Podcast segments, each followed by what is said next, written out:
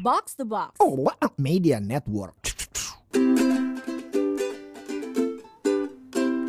Mencoba minimalis. Box to Box Media Network presents mencoba minimalis mengurangi yang nggak perlu lebih dari sekedar beberes. Di sini ada Avo nih. Setelah kaget dengerin episode Zola Yohana part 1 kemarin, kalau ternyata ya guys ya, honeymoon period sebuah hubungan romantis itu 2 tahun, bukan 3 bulan seperti yang suka dibahas di artikel-artikel online. Nah, kali ini Zola bakal kasih bocoran nih ke kita. Kalau pengen punya hubungan yang awet, cek dulu apakah gaya berantem kita atau fight language kita udah cocok sama pasangan atau belum.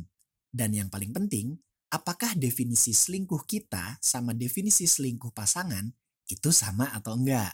Jangan-jangan buat doi nge-like foto cewek-cewek bikinian di Twitter sama Instagram itu nggak apa-apa. Padahal buat lo malah nggak banget. Dah, daripada gemes, yuk dengerin. Jadi berangkat dari apa yang kita butuh dulu ya. Iya. Uh, abis itu values. Nah, values. itu kan kadang suka dianggap intangible nih Mbak Ya. gitu. Uh, karena lo membawa clarity lagi nih, mungkin Ya. ada guideline gitu ya untuk kita sendiri soal ini nih, ini nih nilai-nilai yang biasanya orang tuh nggak lihat, tapi ini sebenarnya penting dan lo harus ngobrol tentang ini. Hmm, Apa aja nih supaya spiritnya adalah kita dapat partner yang compatible. Oke. Yang paling penting untuk nyari, tapi ini butuh proses ya. Iya. Yang paling penting untuk nyari pasangan itu adalah komunikasinya gimana dengan kita. Dia build the wall atau enggak? Open to share, uh, open communication atau enggak? Be vulnerable atau enggak? Vulnerability-nya ada atau enggak? Karena there is no way you will get the emotional intimacy without being vulnerable. No way.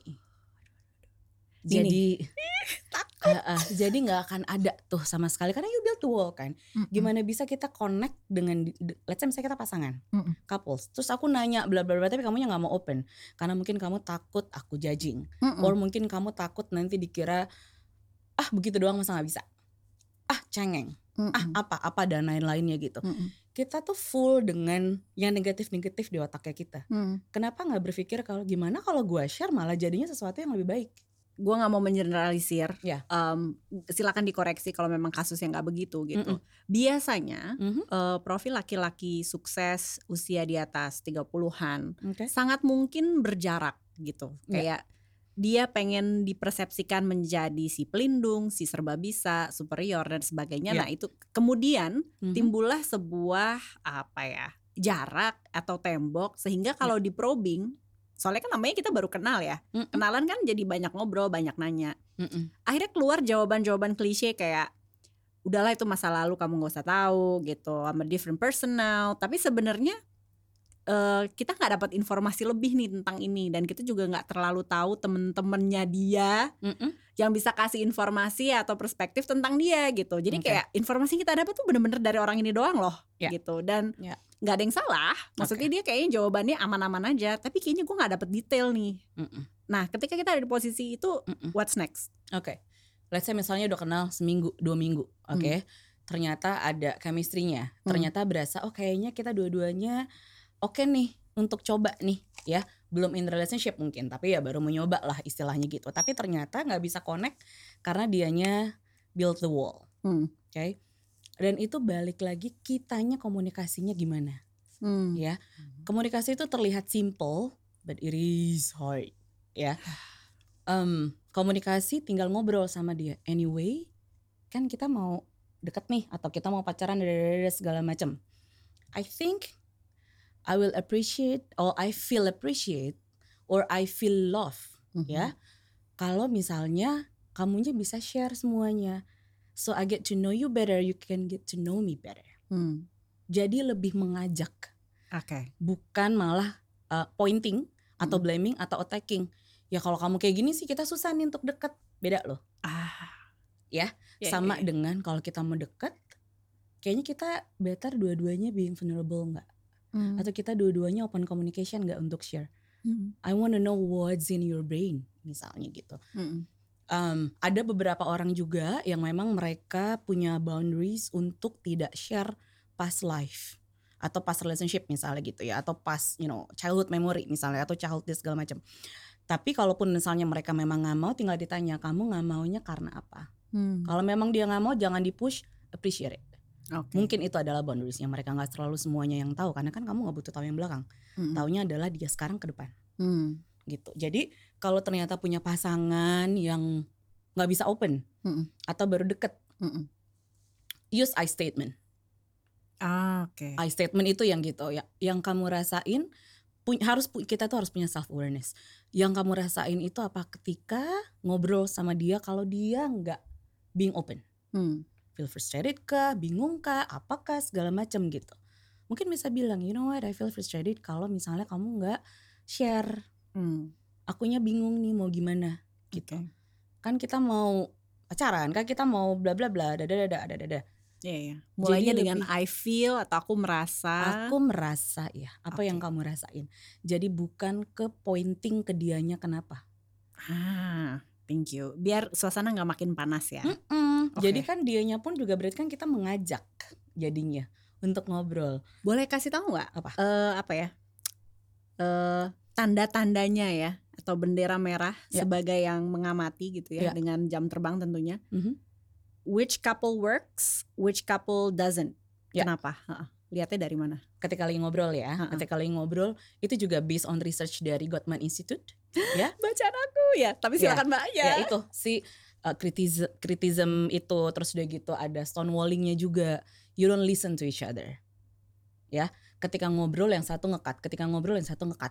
Hmm. itu juga bisa kelihatan sama sekali karena memang tendensi orang-orang itu ketika ngobrol they tend to uh, uh, reply langsung ya Hmm. listen to reply Mm-mm. not listen to understanding itu satu tuh. Itu, satu. kayak tanda-tanda di mana lu itu udah bisa bahaya nih. kelihatan Oke. terus ada kritis-kritis emotional abusive emotional as emotional ya ketika ngobrol contoh Misal? hal kecil Hmm. Ada beberapa couples aku juga yang kayak begitu uh, beberapa couple yang aku coaching eh kamu tuh nggak pernah uh, kissing aku kamu tuh udah udah nggak pernah kissing aku lagi kamu tuh selalu sibuk sama handphone always and never Hmm. Jangan pernah ngomong always and never Hmm. karena yang diomongin si pasangannya pasti akan attack langsung no gue pernah kok kiss Hmm. gue pernah kok eh apa gue nggak terlalu sibuk kan itu persepsi Hmm. you cannot fight over perception Hmm. you cannot argue over perception you only can argue over the fact Hmm. faktanya itu apa bukan persepsi karena persepsi orang beda-beda kan Hmm. Jadi gitu Ketika itu bisa diskusi, dari situ kurangi kata-kata ka- kamu tuh selalu atau kamu tuh nggak pernah itu Iya. mendingan jangan ngobrol dengan cara seperti itu. Iya, Oke, karena itu segala masalah itu bisa diselesaikan dengan tidak pakai urat Hmm. tanpa yelling diska- di- eh, apa open discussion aja gitu Em, terus juga kebanyakan dari couples pun juga sama nih ketika ngobrol Oh, itu tanpa kata-kata ya. tanpa itu kata-kata. non verbal banget. ya disrespectful banget kan berarti kan nggak menghargai pasangan itu Hmm. Eye rolling kayak ah, gitu. Iya. Em, yelling gitu Terus tadi karena disebut stonewalling tuh apa sih? Bisa dielaborasi seperti Apaan silent treatment Waduh. Oke, jadi kalau misal karena gini, orang banyak yang taunya adalah cuma love languages. Mm-mm. Ada fight languages juga sebenarnya. Ada Iya. yang mereka ketika fight languages itu freeze, Mhm. eh eh, up- ini remote apa modenya itu ada yang freeze, ada yang fly, terus ada yang fight, ya. Eh, freeze itu biasanya mereka jadinya nanti stonewalling. Stonewalling itu yang silent treatment. Ketika lagi ngobrol segala macam dia tiba-tiba kabur aja udah. Nanti Pokoknya tiba-tiba diem diem dua hari aja nggak- udah. Iya. Dia main dua hari, tiga hari misalnya gitu, nggak ada kabar, nggak ada apa-apa sama sekali. Hmm. Beda dengan ketika orang butuh waktu dulu untuk pause, ya, untuk reflect diri dulu, dan I need time dulu, I need my own space. Hmm. Itu beda, karena itu ada omongan. Oke. Bukan yang tiba-tiba ngobrol, dada dada Hmm. dada, dada, atau kalau nggak by text gitu ya, Terus nggak ada jawaban, nggak pulang. pulang aja udah. Iya. Silent treatment itu part part of emotional abusive juga. Itu part of emotional abuse, silent treatment karena efeknya ke yang sebelahnya itu jadi pasti kacau kan. Iya dong. Iya. Eh, menghadapi pasangan yang seperti itu, walaupun kita hanya bisa kontrol apa yang kita bisa kontrol, itu jadi gimana? Karena kan nggak ada respon sama sekali, susah dong. dan nanti tiba-tiba mau balik semua maunya dia aja Hmm. gitu. Balik lagi ngobrol sama dia, ajakin komunikasi. Hmm. Kamu maunya relationshipnya sebenarnya gimana misalnya gitu. Dan kamu tahu nggak eh, kalau kamu doing ini, kamu diem itu, itu namanya mungkin mereka nggak tahu. Jadi kasih tahu itu adalah namanya silent treatment, dada dada dada, stonewalling, dada. Itu tuh part of emotional abuse loh. Itu bisa dibilangin gitu, bisa dikasih tahu gitu. Tapi dan kayaknya kalau misalnya kamu selalu begini gini gini, selalu silent treatment, kamu ngerasain nggak yang aku rasain gimana misalnya gitu. Jadi ajakin ngomong bukan ketika nanti dia balik dan diserang lagi. Hmm. Mereka tuh kan kabur sebenarnya karena mereka nggak tahu mesti gimana. Hmm. Mereka Dengan harapan aja ada udah. perubahan reaksi dari situ Iya. ya harapannya ya. Padahal kan itu nggak nyelesain masalah sebenarnya. Oke. Akan lebih baik ketika couple berantem, argue, udah urat-urat sama urat, waktunya pause, pause dulu. Hmm. Diam dulu. If you need time, ya udah pergi dulu. Tapi yang bertanggung jawab untuk balik lagi adalah yang mereka tadi pergi. So let's say misalnya kamunya eh yaudah dah I need time dulu deh. I need my own space dulu. Hmm. I'll get back to you when I'm ready. Hmm. Tapi So, jadi sebelah jangan sananya nunggu. adalah secure. Oke. Tapi jangan nunggu di teks dulu ya. Berarti yang bertanggung jawab untuk kembali Iya. ke percakapan ini adalah yang Iya. tadinya pergi. Iya. Ah, oke. Siapa pun yang pergi, siapa pun yang memang udah ngomong, dia yang bertanggung jawab untuk balik lagi. Jadi baiknya gimana di era yang semua kita teks banget ini ya.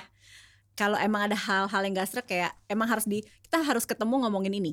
Aku boleh telepon nggak? Oh, mending gitu ya. Atau kalau memang aku nggak bisa terima telepon saat ini juga, oke. Kirim voice note biar dianya nggak salah arti. Hmm. Kirim voice note biar nggak salah arti. Biasanya tuh aku aku juga gitu caranya. Kalau misalnya lagi udah mulai panas karena ketika teks itu lo akan fokus ke yang diomongin saat itu juga. Masalahnya masih ada di sana. Hmm. Cuman lo nya kadang ngebalesin atau ngebacanya pakai intonasi. Oke. Noted. Ih, bener banget. Thank itu you. ya. misunderstanding banget sementara WhatsApp itu tidak pakai intonasi. Teks tidak ada intonasi apa pun sama sekali. Jadi baca aja datar udah. Oke. Eh, sekarang dibalik lagi karena temen minimalis itu range usianya macam-macam ya. Mm-mm. Eh, ada yang 17-an, ada yang Mm-mm. 20s, 30, 30 aja udah ada beberapa yang suka cerita kita. Ya, ya. Kami udah divorce Ya. dan gue tuh lagi di fase di mana apakah gue perlu punya pasangan lagi, Mm-mm. mau nggak kalau punya pasangan mau nikah lagi atau enggak. Mm-mm. Mungkin sebagai yang professional matchmaker dan juga relationship coach, eh, lo ngelihatnya ada perbedaan signifikan nggak dinamika atau the dynamics of people trying to find love si generasi Z, milenial, Ya. X, Y gitu. Iya, iya, iya. Terus em, jadi apa nih kayak gue cuma mau ngasih tahu dengan karena lo di fase fase hidup yang seperti ini, lo harus hati-hatinya apa gitu per per age bracket. Kalau untuk ngomongin masalah age, balik lagi masing-masing mereka tuh nyamannya di mana kan. Hmm. Nah, cuman aku ngelihat trennya ya Oke. dari 2013 aku being uh, jadi matchmaker sampai saat ini, Mhm. Ya. trennya justru malah jauh lebih open itu adalah anak-anak muda. Oke. ya yang mereka umurnya 27 the youngest client that I have right now itu 27 tahun dan cowok. Wah. Ya, Oke. em, dan anak-anak sekarang itu mau itu milenial, kita ngomongin yang milenial sama gen gen eh, Z yang di bawah yang muda ya, ya. di bawah. heeh. Em, itu mereka malah karena kan mereka mungkin bukan lahir dalam dunia proses. Hmm. Yang ada proses waktu. Kayak misalnya kayak di aku gitu, aku 84. Ada telepon umum, telepon kartu. itu tuh sebenarnya kan ngefek. Hmm. Di mereka era mereka semua digital. Hmm. mereka nggak tahu tuh ada prosesnya yang gimana-gimana. Hmm. Sama halnya dengan kalau misalnya kita kasih contoh eh, dalam dunia pekerjaan, Hmm. setahun ganti kerja, Hmm. setahun ganti kerja, atau kalau nggak baru diomongin sebentar doang langsung take it personally and then resign, misalnya gitu. Em, sementara di zamannya aku waktu itu mau dimaki, mau di apa segala macam, ya udah gitu. Em, jadi aku ngelihatnya malah mereka nggak terlalu mau eh, eh, prosesnya itu mereka nggak terlalu mau nikmatin gitu. Pokoknya I just wanna meet the right person. Ya udah dating jelas segala macam udah. Jadi bukan yang sementara dan mereka nggak terlalu banyak mikir. Yang mereka tahu adalah ya financial independent segala macam. Ini yang penting kita namanya relationship bareng-bareng nggak ada gender gender role gitu. Yang perempuan harus masak atau perempuan harus em, di rumah misalnya yang suaminya misalnya eh, jadi breadwinner misalnya. Sekarang justru anak-anak muda banyak perempuannya don't mind untuk jadi breadwinner dan beberapa cowok-cowok yang mereka successful pun don't mind untuk jadi yang di rumah. Hmm, ini perbedaan generasi banget ya. Yes, Mm-mm. itu trennya itu begitu. Sementara kalau sama mereka yang berumur 40 ke atas, Mhm. mereka masih punya sisi yang konservatif atau masih punya value-value yang dari lama nih keluarga ya namanya ini harus bertanggung jawab, yang ini, yang bla bla bla. Mereka terlalu banyak mikir compare yang anak-anak muda eh, yang mereka di 30 ke bawah. Wow. Gitu. Em, Oke. Ya, in terms of eh jadi mereka tuh masih punya yang gini, perbedaannya adalah ketika mereka datang matchmaker, mereka tuh masih kayak punya rasa malu untuk ah datang matchmaker berarti eh gue desperate ya Mm-mm. gitu loh. Ini yang eh, 30 plus ke Iya, atas nih. Ya, Oke. yang mereka rata-rata umurnya itu di ya 30 39 ke atas lah. Ya Oh, rata-rata oke. di 40 lah ya. Hmm. Eh, masih yang begitu. Jadi butuh waktu buat mereka untuk mikir. Hmm. Sementara anak-anak yang sekarang tuh mereka nggak berpikir begitu. Well ada ada platform, ya udah kenapa nggak dipakai? Istilahnya begitu. Karena kan sebenarnya mau itu online dating, mau itu um, hiring a matchmaker, we only a platform for single Hmm. to finding someone Oke. gitu. Jadi it doesn't mean that you're desperate. Orang terlalu banyak meng apa ya melabelkan min, masuk online, uh, doing online berarti lo desperate gitu. Hmm. Ya sama aja kayak lo nyari kerja, lo ke job street bukan? Lo apa ke mana? Jobs DB bukan? Nanya-nanya ke teman ke teman nggak ada kerjaan ada lowongan nggak? Well, there's something. It doesn't mean you're desperate. It's just a way to finding a partner. Gitu. Berarti lo juga nggak anti Bumble, Tinder, Grindr. no, It's no, a no. way to meet people aja buat buat Iya. dirimu yang Gue sampai sekarang masih ada di online, Hmm. di online dating ya. Karena buat gue untuk survei. Hmm. Kalau dulu gue masih pakai fake profile. Kalau sekarang itu memang ada nama gue, terus udah gitu, certified matchmaker gini-gini, and then kalau misalnya kayak di Bumble gitu ya, gue akan bilang read before you swipe right. Jadi udah di name it dulu karena Mhm. mereka nggak baca profile, mereka sambil tutup mata kiri kanan kiri kanan aja. Emang begitu, jadi ya mesti hati-hati kalau misalnya online. Oke. Em, karena post divorce dan aku ngomongnya ini nggak spesifik age bracket ya karena banyak juga kok yang 20 something udah eh, apa ya hidup membawa mereka tidak cocok aja Ya. gitu ya. Em, kesulitan yang dihadepin dan apa pesan ketika memang ada orang yang kayak gue secara emosional lagi mau nyiapin ketemu pasangan baru dan memang niat gue mau nikah nih. What's Mm-mm. your message? Paling penting adalah ini buat yang mereka divorce ya. Mm-mm. Satu hal, mereka selalu berpikir kalau divorce itu adalah suatu kegagalan Hmm. dalam eh, hidup ya Oke. karena gue udah gagal karena image di luaran sana dengan status duda atau status janda atau apa pun status itu karena dari keluarga kita juga kan kadang dari dulu yang bilang aduh atau kalau nggak family punya keluarga yang salah satu duda atau janda itu gimana gitu ya Ya. yang paling penting dulu adalah jangan dipikirin yang begitu begitunya dulu Hmm. gitu jangan dipikirin dulu nanti gue nyandang status duda gimana nanti gue udah ny- nyandang status janda gimana segala macam Hmm. ya if you know that you're not happy with this person then you udah cut it Hmm. dan ada juga yang memang mereka stay in a marriage because of the kids Hmm. itu totally wrong sebenarnya Hmm. justru malah jadinya memperburuk suasana bukan memperbagus suasana gitu Ya. nah buat yang single buat yang mereka udah divorce cara tahu sebenarnya lo ready atau enggak untuk cari pasangan adalah satu hal yang paling gampang adalah you don't take a side between ketika sharing cerita you don't Mhm. take a side between you and your ex partner Mhm. dianya yang begini guanya yang begini Ah, Ya, ya, di ya, situ ya. baru di situ tahu karena berarti masih ada grudge nih di dalam Mhm. Padahal kan sebenarnya sama-sama tahu namanya relationship itu both side. Hmm. Perceraian itu pasti ada dua-duanya. Mhm. Relationship pun putus juga pasti ada dua-duanya. Nggak mungkin enggak gitu. Jadi harus tahu harus ada momen di mana lu nya pun juga udah make a peace with yourself Hmm, and forgive ya. yourself dulu Hmm. gitu. Then are you happy with yourself? Mhm. Do you have enough time for yourself? Mhm. And you feel content with yourself atau enggak? Hmm. Karena kalau misalnya kita bilang, well nggak ada waktunya untuk ready kan, kalau kitanya nggak mulai gitu. Yang paling penting adalah lo nya sendiri itu udah punya self awareness, udah tahu and you feel happy being alone atau ada someone else atau enggak gitu ya. Uh, enjoying the moment pergi-pergi sendiri ke mana-mana gitu ya. Actually that the right time for you to finding a partner because you feel Hmm. happy and content with yourself. Jadinya Kuncian. nanti ketika ketemu the whole uh, person juga whole individual that's gonna create a healthy relationship jadinya nanti ke interdependence relationship bukan codependence relationship lepas dari ya sekarang eh, apa ya relationship itu banyak tipenya ada yang monogamus ada yang Monogamis, gitu uh-uh. Em, ada yang poli gitu ya Mm-mm. Em, di mana kita memberikan apa ya koridor untuk cheating maksudnya apa yang dimaksud selingkuh gitu ya pendefinisiannya tuh gimana Mm-mm. pengalaman lu gimana mbak Kalau dari aku, definisi cheating itu beda-beda setiap orang. Hmm. Ada yang bilang micro cheating kalau teks, ada yang mulai physical itu baru cheating. Paling gampang adalah mengidentifikasi cheating itu ketika ngobrol dengan pasangan.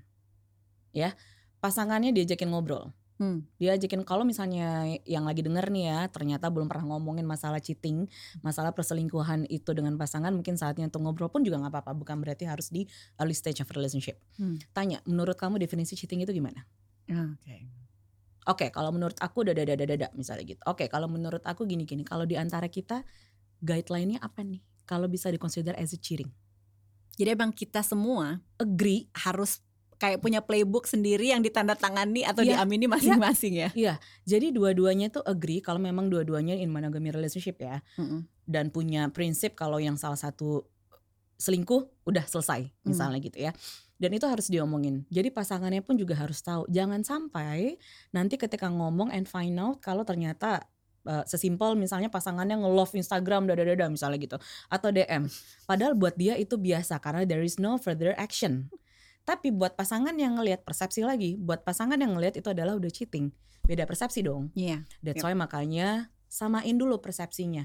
Cheating itu apa yang dikonsider as a cheating? Perselingkuhan misalnya gitu. Oh, mulai dari kamu teks dan kamu umpetin dari aku. Iya. Dan ternyata aku tahu kita bubarin, kita selesai. Hmm. Jadi ada deal breakernya di situ. Iya, iya. Itu le- lebih jauh lebih enak ketika tidak diomongin dan tiba-tiba langsung nuduh kan kamu kamu selingkuh, kamu ini ini ini ini ini. Sementara mungkin persepsinya dia selingkuh itu physical. Iya. Orang aku nggak tidur misalnya gitu. Aku cuma panggil dia sayang sih. Iya, tapi aku nggak tidur.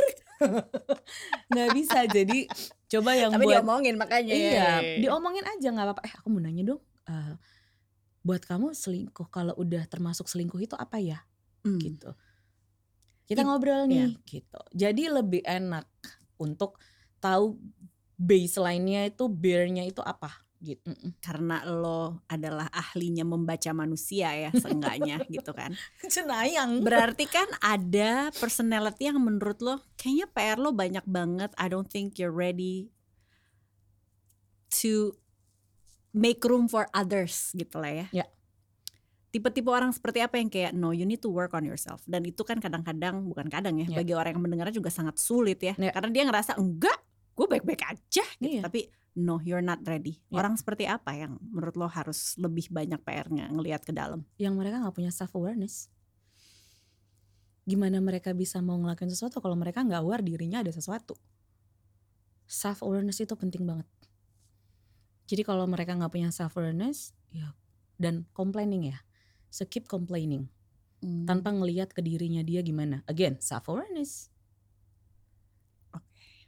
Itu paling penting sih, self awareness itu. Jadi harus aware juga. Sama halnya gini, orang selalu bilang kalau you have to love yourself in order to love other people, Mm-mm. right? Itu sebenarnya myth. It's a myth sebenarnya. Oh. As long as you know yourself, ya. Oke. If you know yourself, definitely you love yourself Mhm. right? So kadar love-nya itu yang memang nggak terlalu full yang gimana segala macam. But if you meet the right person, the right person will help you to love yourself juga. Oke. Baiklah. Jadi tetap Begitu. mitos tadi yang barusan yang sering digaung-gaungkan itu. Iya, emang sebenarnya kelihatannya adalah apa ya? Iya dong, logikanya lo harus sayang sama diri lo dulu gitu. Hmm. Then how long you gonna take times for you to love yourself? Hmm. And then you miss the opportunity. Hmm. Karena Oh, fokusnya iya, iya, adalah iya. love yourself, love yourself. Tapi sementara ketika ketemu dengan orangnya ada experience kan? Mm-mm. It's a new thing. itu bisa paralel sebenarnya ya. Yes, Gitu. Oke, oke, oke. Benar. Um, Oke, two more. Jadi dengan obrolan panjang kali lebar kita, do you believe in love at the first swipe right and match? beli oh iya kalau misalnya swipe left right segala macam love atau memang apa nih Nah, ih. Balik ya ke tadi pola infat infatuation tadi iya, ya. Kalau Eh, misalnya dari swipe left or right kan dilihat muka, suara nggak tahu kayak gimana. hmm. Definitely yang pertama, terutama kalau misalnya ketika ngeliat uh, swipe left or right gitu, mata tuh pasti larinya ke visual. Hmm. And then baru cek profile. Ya. Ya. Jadi yang dilihat adalah ganteng nggak? Hmm. Visual semua kan? Hmm. Dan gimana cara bisa tahu kalau kita bisa cinta sama orang kalau kita nggak tahu dianya gimana, kita nggak tahu dia kalau ngomong gimana, suaranya oke apa enggak misalnya gitu Hmm. ya. How they treat women misalnya gitu.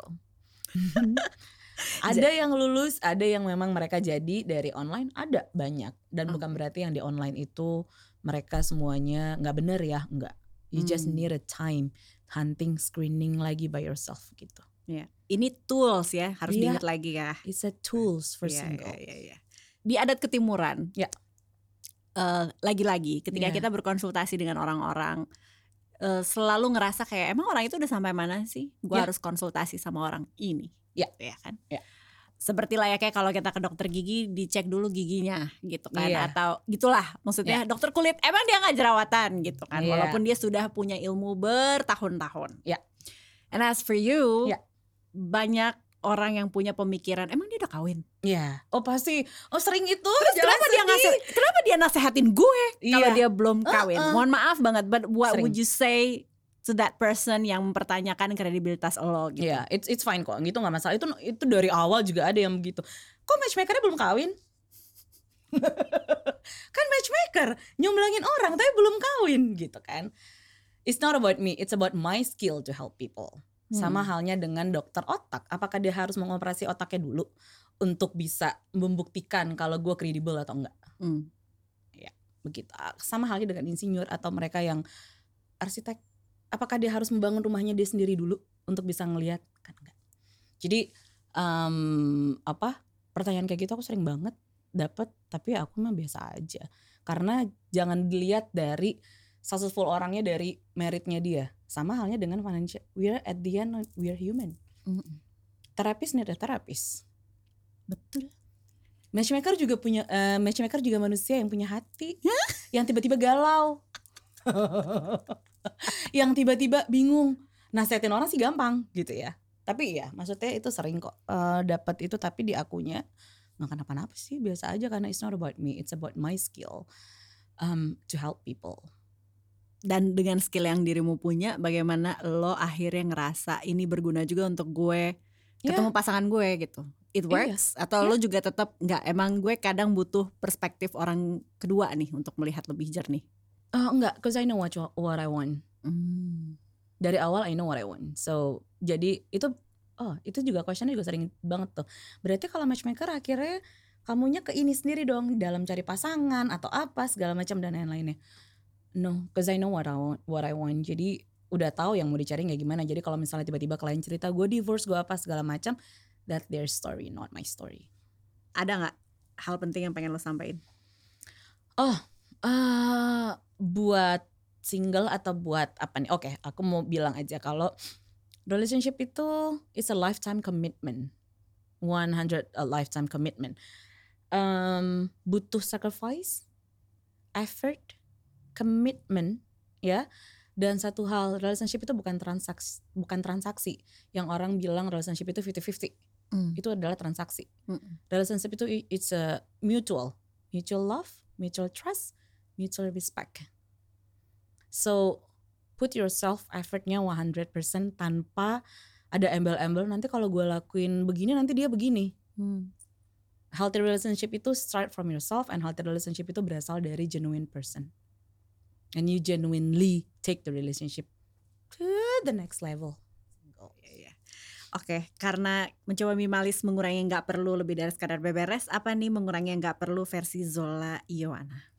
mengurangi yang nggak perlu yang nggak perlu ya tadi kayak tadi kalau misalnya kalian single ya terlalu fokus ke aduh tingginya kurang aduh badannya kayaknya agak kegedean coba itu coba dikurangin ya kenalin dulu dia as a personnya gimana Hmm. jangan lihat embel-embelnya dia dia siapa Hmm. atau misalnya buat para laki-laki juga yang mereka apa eh, suka atau attract dengan perempuan yang mungkin di atasnya dia, perempuannya somebody atau Mhm. CEO atau founder atau segala macam. Yep. Dan cowoknya merasa minder, Hmm.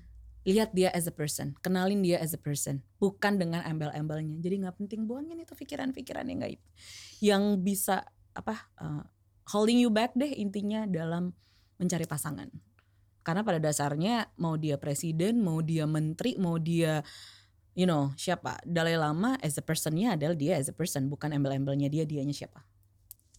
Jadi di balik relationship coach dia Mm-mm. adalah seorang yang super zen ini kayaknya. Mbak, thank you for coming. Thank you. Uh, sampai ketemu lagi ya. Der. nah, jadi ini temen barusan dengerinnya sendirian atau sama pasangan? Kalau berdua, semoga bisa jadi bahan diskusi sambil pelukan.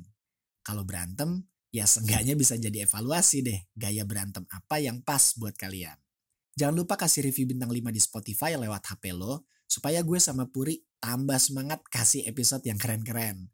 Ada ide topik? Boleh banget DM ke Instagram at mencoba minimalis. Sampai ketemu di episode selanjutnya. Avo Chaps. Dah. Mencoba minimalis.